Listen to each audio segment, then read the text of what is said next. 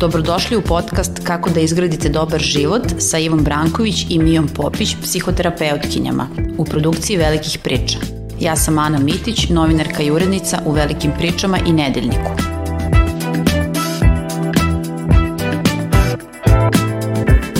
Ne propusti neverovatne akcije, na laži i neproverene informacije. Manipulacije u omotu, gratis. Laži bele domaće, tri po ceni jedne. Prazne priče više vrsta, besplatno. Ne žuri, zalihe traju. I trajaće. Čitaj ono što je važno. Pretplati se na velike priče. Moram odmah na početku da se zahvalim Ivi što je dala odličan e, naslov za ovu epizodu, šta kad vam se ne sviđa neko koga volite. Ovo je u stvari priča o prihvatanju različitosti i o prihvatanju razlika, o tome zašto nam je teško da prihvatimo da neko koga volimo, da li je to naš roditelj, partner, dete ili prijatelj nije potpuno saglasan sa nekim našim izborima ili kada mi nismo saglasni sa nekim, sa tuđim izborima. I kako onda prihvatamo uh, te razlike i kako gradimo most između naših uh, razlika. Mi smo jedno duboko podeljeno uh, društvo i dok nam to možda nije toliko bitno kada govorimo tamo o nekim drugim ljudima, uh, ume da bude problem kada govorimo o, o bliskim uh, ljudima i kada neko ko nam je blizak ispolji nešto sa čime se mi ne slažemo, da li su to uh, politički stavovi, orijentacije, seksualne orijentacije, muzika koju sluša i tako dalje. Zašto su važne razlike? Um, hvala ti Ana za ovaj, ovaj divan jedan uvod.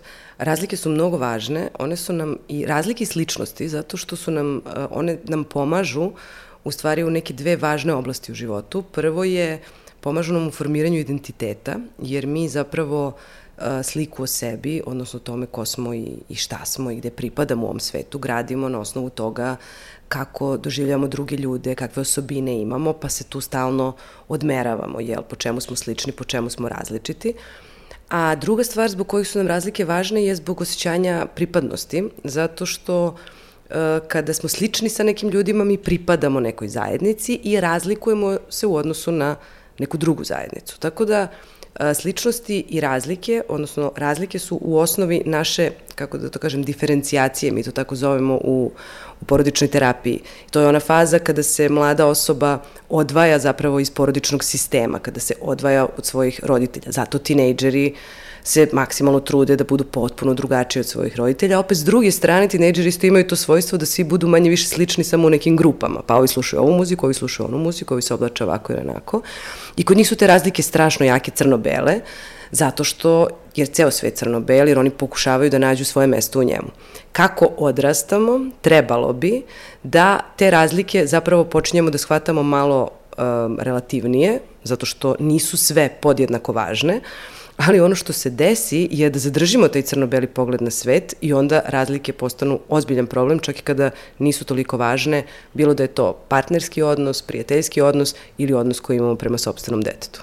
Da li je onda odraz nezrelosti to što mi uh, nekoga uh, kinjimo ili ne znam šta bih rekla, kako to da objasnim, um, kada ne možemo da prihvatimo to što se razlikuje od nas. Evo recimo kad je u pitanju muzika, koju neko sluša? pa ja moram da priznam da da to zaista može tako da, da deluje. Ja ne volim taj termin nezrelost, ali mogu da kažem obrnuto, da jeste znak zrelosti kada uspemo da pravimo opet da pravimo razliku između onih razlika koje su suštinski značajne i onih koje nisu. Jer postoje neke razlike koje stvarno prave podela između ljudi. To su razlike u vrednostima, u uverenjima, razlike koje se tiču toga kako ćemo da se odnosimo prema drugim ljudima, kako ćemo da se odnosimo jedni prema drugima. I, i te razlike jesu stvarno pitanje po kome mi, mož, mi procenjujemo da li ćemo biti sa nekim, sa nekim ljudima ili ne. Ali postoje i stvarno neke druge razlike, kao što je to koju muziku slušamo, za koji klub navijamo, mada će neko reći da je to mnogo strašna razlika, ali okej, okay, koje zaista u nekom odraslom periodu e, ne bi trebalo da, da predstavljaju ozbiljan problem. Da, to je sad e, ovo što si rekla, razlike koje su manje bitne i razlike koje su više bitne. A šta je sa političkom orijentacijom? Sad recimo moja prijateljica je potpuno za neku drugu političku opciju i sad kao kako mi razgovaramo? ne razgovaramo pa ja o tome. Ja mislim da je, da je, je političko opredeljenje prilično važno i da je to jedno od tih, kako da kažem, kor suštinskih, sržnih vrednosti, a, ali ćemo se slagati ili ne u zavisnosti od toga gde se nalazimo na tom političkom spektru. Ako se neko nalazi skroz levo, neko skroz desno, ja stvarno ne znam kako mogu da ostanu prijatelji. Mogu, ako su, ne znam, prijatelji iz vrtića i strašno vrednuju jel, dugovečnost tog prijateljstva, pa zaista uspevaju da to sve stave na stranu, ili ako se tako tim političkim stavovima samo bacaju, a zapravo oni ne određuju njihove živote. Politički stavovi su važni ako oni određuju način na koji mi živimo. I zato mi ne možemo da se družimo ako smo zaista na potpuno različitim stranama spektra. A ako smo tu negde pri centru, kao što smo svi negde manje više pri centru, pa neko ide malo više levo, malo više desno, onda zapravo možemo da se družimo, jer to nisu te sržne ključne razlike. Da, znači te ekstremne razlike umeju da prave problem.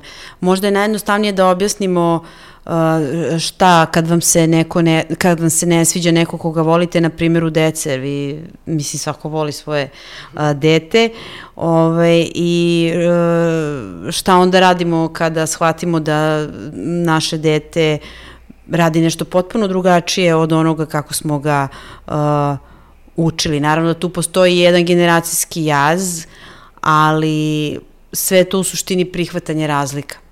Ja mislim da je to najosjetljivija oblast, zato što roditelji gledaju svoju decu između ostalog i kao svoj produkt, odnosno nešto šta oko čega se puno angažuju, šta puno ulažu i, um, i zato im je teško da, i naravno da im žele najbolje i žele da oni imaju vrednostni sistem i um, kulturološki neki background uh, i obrazovanje i sve ono što najbolje mogu jel, da, da postignu u odnosu na svoju situaciju. Ali ima tu i trunčica narcizma zato što su, rodit, su deca ogledalo roditelja i ta ideja roditelja da će deca potpuno usvojiti njihov uh, ajde vrednostni sistem, ok, opet kažemo, tu jesu neke prilično važne stvari, vrlo je nezgodno ako je, ne znam, roditelj aktivista u nekoj nevladinoj organizaciji bori se za prava manjinskih grupa, a dete postane desničar. Mi tu imamo onda ozbiljan problem. Uh, ali s druge strane roditelji nekad preteruju pa onda žele da deca imaju dele sve njihove vrednosti i, i tu mogu da vrše pritisak koji je prilično opasan zato što onda detetu šalju poruku da ne može slobodno da odlučuje, da, da ne zna, da njegovi izbori nisu adekvatni i pravi veći problem nego što bi napravio da pusti dete da eksperimentiše i da proba različite stvari, različite muzičke stilove, različite stilove garderobe i da onda kasnije samo slobodno napravi izbor oko toga zašto će se odlučiti. Mm -hmm. A šta je preterivanje? Ok, nešto si rekla, a šta nije preterivanje? Pa nije preterivanje oko ekstremnih stvari, oko ekstremnih stavova. Naravno da to, deci želimo da prenesemo vrednostni okvir koje smatramo važnim. I, I u tom smislu, kažem, ako je roditelj to neki aktivista, dete desničari hoće da uđe u, ne znam, neku neonacističku organizaciju, to nisu razlike koje su, koje se tako, to, to nije tolerisanje razlika, to je pitanje negde je greška ozbiljnija nastala u tom procesu vaspitanja i nešto mora ozbiljno se uradi da bi se to sprečilo, jer to onda deluje kao jedna vrsta ozbiljnog bunta i problema u ponašanju na koji onda treba drugačije reagovati. Da, ali onda nije recimo problem ako smo mu čitali svako veče pred spavanje i pokušavali da ga na, ono što se kaže, navučemo na čitanje, na knjigu, a onda se ispostavi da njega čitanje uopšte uh, da dete čitanje uopšte ne zanima i da ne želi da čita, ili ako smo upuštali klasiku, a on onda ode na koncert narodne muzike. Da, to je sad... To jeste šok za roditelje, ali to u stvari nije toliki problem. Trebalo bi tu razliku da istolerišemo. Tu razliku svakako treba, ne da istolerišemo, da prihvatimo. Mm -hmm. I to je ono što je posebno važno, zato što tolerisanje nekako podrazumeva da mi to uh, da nam to strašno smeta. I ja razumem da može da smeta, ali to nije zaista suštinska stvar, a jako je, a važno je za, za razvoj deteta da proba i da eksperimentiše.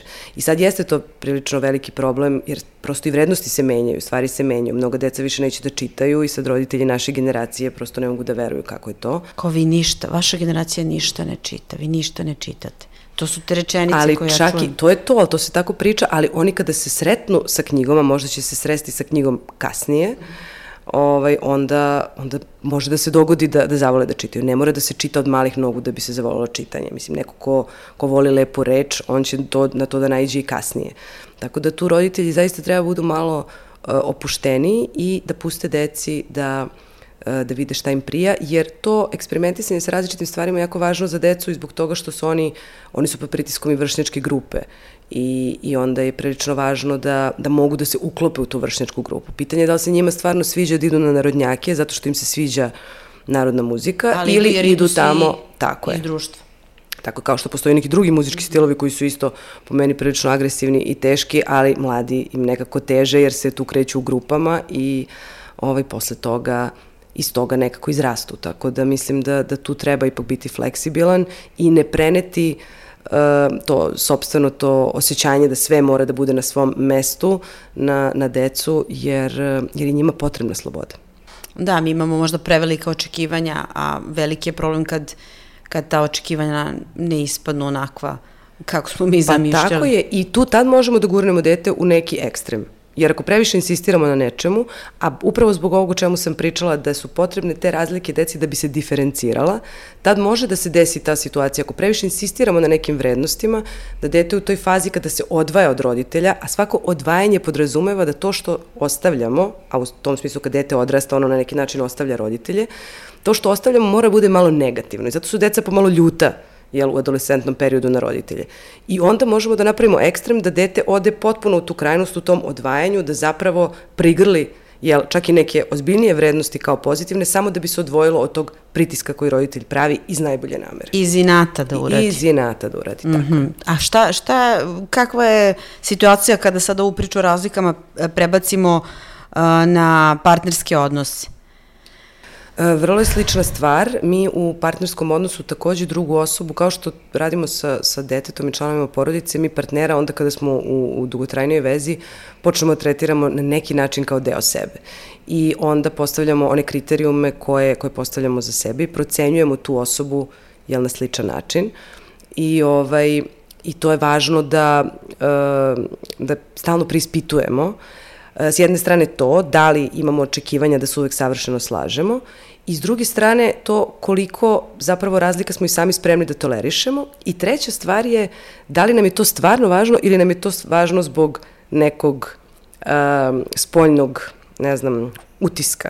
Jer znam mnogi parove koji prihvataju svoje razlike kada su sami, ali neke stvari koje jedna osoba radi nisu cool i onda im je to neprihvatljivo u društvenom kontekstu. Kao blamiraš me u društvu, kao Tako što je. si to rekao. Kao okej okay, što slušaš kući, ne znam, Prijovićku ili Cecu, ali nemoj da priznaš to pred ljudima. I sad, kao, i, i onda se dešava u stvari taj jedan a, konflikt koji je potpuno ovaj, besmislen, ali jeste ta priča o razlikama e, mnogo važna priča, zato što se mi procenjujemo i uh, ono što dozvoljavamo sebi kad smo sami, ono što dozvoljavamo sebi kad smo napolju, mnogo je veliki društveni pritisak i ta potreba, tu se vraćamo na to, potreba za pripadanjem. Ja pripadam nekoj grupi, čak i sada sa, sa 40 godina, pripadam nekoj grupi i moram da se ponašam u skladu sa normama te grupe jer je to prosto način i tu neke stvari ne izgovaramo. A to, evo da se vratimo na ono što si ti rekla, ne bi trebalo da bude odlika zrelog ponašanja. Trebalo bi da se, bar u ovim nekim našim godinama, prihvatamo bez obzira na tako neke sitne i male stvari kao što, kao što je to izbor muzike. A koliko na e, to prihvatanje razlika zapravo e, koliki nam problem pravi uh, upravo taj društveni pritisak, zato što je nešto društveno neprihvatljivo. Možda bismo mi prihvatili našeg partnera uh, iako, ne znam, uh, sluša tu neku muziku koja koju mi ne slušamo, međutim, uh, društvo kaže da to nije okej okay, i onda mi zbog toga uh, pod tim pritiskom uh, te razlike nam Tako je. predstavljaju problem. A, razlike su zapravo i uvedene u priču o ljudima kad smo mi uspostavljali društvo kao jednu organizovanu zajednicu. Zato su i društva ranije bila mnogo više zasnovana na razlikama. Imamo klasna društva, imamo kastinska društva, imamo društva u kojima je moralo da bude definisano ko gde pripada da bi se održao red. Tako da su razlike imale svoju važnu funkciju. Mi danas, mi nemamo klasično klasno društvo, ali imamo neke uh, neka raslojavanja, statusna, e, obrazovna, a onda i kulturološka, a onda i po tome gde živimo i sad svi pripadamo u nekim svojim, u, u neke svoje jel, balon, u nekim svojim balončićima koji su, koji imaju određene karakteristike i, ovaj, i da bismo se tu održali, postavljamo granicu u odnosu na druge ljude. Uh, tu se onda gubi ta granica, jer neke razlike, tu se opet vraćamo na to, jesu važne i kad postoje te razlike mi zaista ne možemo da komuniciramo i ne možemo da se razumemo ili ćemo teže da iskomuniciramo i da se razumemo, a neke razlike zaista nisu bitne. Ali pripadnost određenoj grupi čini da mi moramo da prihvatimo čitav spektar tih zahteva. Jel, zna se kako se ponaša osoba koja je visoko obrazovana, koja se bavi nekim intelektualnim poslom, kakvu ona otprilike muziku sluša, u redu je da sluša jazz, blues ili klasiku, ali nije u redu da sluša, ne znam, narodnjaki ili nešto tako. To su prosto nepisana pravila jednog staleža. I onda se mi nekako u to uklapamo, i ovaj i veliki je izazov kada nekako iskačemo iz toga zato pa da, što desi se to pa naravno. iskakanje, sad pitanje je samo koliko iskakanje, neko iskakanje može da se toleriše, a neko iskakanje ne može. I kad se opet vratimo na partnerske odnose, imamo tu čuvenu rečenicu kada dođe do razvoda e, da je razlog ono, nepo, da su razlog nepomirljive razlike mm. zbog kojih se ljudi rastaju ili to navode kao razlog uh, razvod, ali ima i ono suprotnosti se privlače.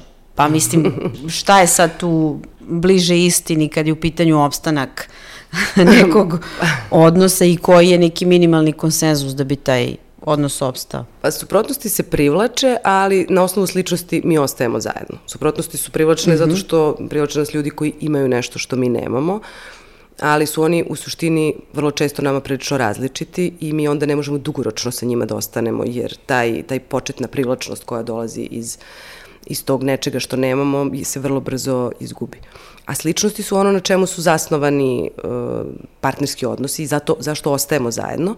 E sad ono što se dešava kroz partnerski odnos je da se menjamo i da se upoznajemo. Ljudi vrlo naivno misle da mi onda kada uđemo, ako smo, ne znam, bili godinu dana ili već koliko neko proceni da je potrebno u nekoj vezi, pa smo rešili da živimo zajedno, da od tog trenutka mi znamo sve o toj osobi. Ne, ako dug budemo sa nekom osobom, mi stalno otkrivamo neke nove aspekte te, te ličnosti, pa onda se nam se dešavaju stvari koje čine da otkrivamo i nove aspekte ili ona sama otkriva nove stvari o sebi i onda kada dođe do toga da uh, postanemo previše različiti, onda se u suštini uh, rastajemo. Jer možda se nismo spojili zbog tih razlika, ali smo kroz vreme shvatili da drugačije reagujemo na životne okolnosti i dolazi do nekih razlika koje su to, te nepomirljive razlike u karakteru zbog kojih ljudi više ne mogu da budu zajedno. Da, posle kog perioda to može da se ispolji? To može da se ispolji bilo kada. U zavisnosti od toga šta se dešava ljudima mm -hmm. i u zavisnosti od toga koliko su se naravno pre toga upoznali. Ako, smo, ako su ljudi bili kratko zajedno, uh, ja znam puno takvih slučajeva gde se javila ta luda ljubav, strast i ljudi su u vrlo kratkom vremenskom periodu rešili da, da budu zajedno, nisu se dovoljno upoznali, nisu procenili koliko su zapravo slični, a koliko različiti, ti brakovi se relativno brzo i završe. Ako damo dovoljno vremena da se upoznamo, to bi mogo da bude dobar znak, a onda, ali onda opet nije garancija da se neke razlike neće pojaviti negde usput. Da, dobro. Šta stvarno znači prihvatiti razlike? Kaže se kad nekoga voliš ti onda njega prihvatiš sa svim njegovim manama i vrlinama, pa vadi i sa razlikama. Pa to znači da, da postane da nam bude recimo simpatično, umesto da nas nervira. Eto, to bi to značilo. I e, da prestanemo, da dajemo sebi za pravo da osjećamo neprijatnost zbog nečega što neko drugi radi. To se vrlo često dešava u partnerskom odnosu, da, da da jedna osoba, jel, prosto ne može da prihvati nešto što druga osoba radi i onda se ona osjeća neprijatno. Kao kako sam ja sa ovim čovekom. Kako sam ja sa ovim čovekom, da. I to je... Ovaj, pazi šta on priča. Tako je, šta izgovara, pazi šta, kako on jede, kako se on, ne znam, ponaša, ne znam, primitivno u nekoj situaciji. Uh, I to je nešto što, to meni govori da ljudi zaborave da, a mislim ljudi, mi svi zaboravimo, svi smo se našli u toj situaciji, jer mi zaista očekujemo da se naš partner uvek ponaša onako kako, kako mi zamišljamo da bi trebalo da se ponaša. E sad, naravno da ćemo neke stvari usklađivati, ali neke stvari jednostavno treba da pustimo i to je, to je lepo u partnerskom odnosu. Ta procena i rad na tome kako ćemo da se razvijamo zajedno, a šta su neke stvari koje ćemo da prihvatimo i koje su takve kakve jesu. Da, a e, šta onda na kraju radimo? E, ne treba gurati stvari po tepih, jel tako? Ovo što ti kažeš, treba da, da razmišljamo o tome kako će taj naš odnos da se razvije i, na čem, i kako ćemo da radimo na njemu. Znači, ne treba gurati te, te razlike pod tepih, uh, te, te bitne razlike, uh mhm. -huh. znači one manje bitne, ok, to pustimo. Uh, te, treba da pričamo uh, u vezi tih razlika, ne treba da ćutimo. Naravno, o važnim stvarima treba da pričamo, i treba da vidimo šta, mo, šta tu može da se menja, šta tu ne može da se menja.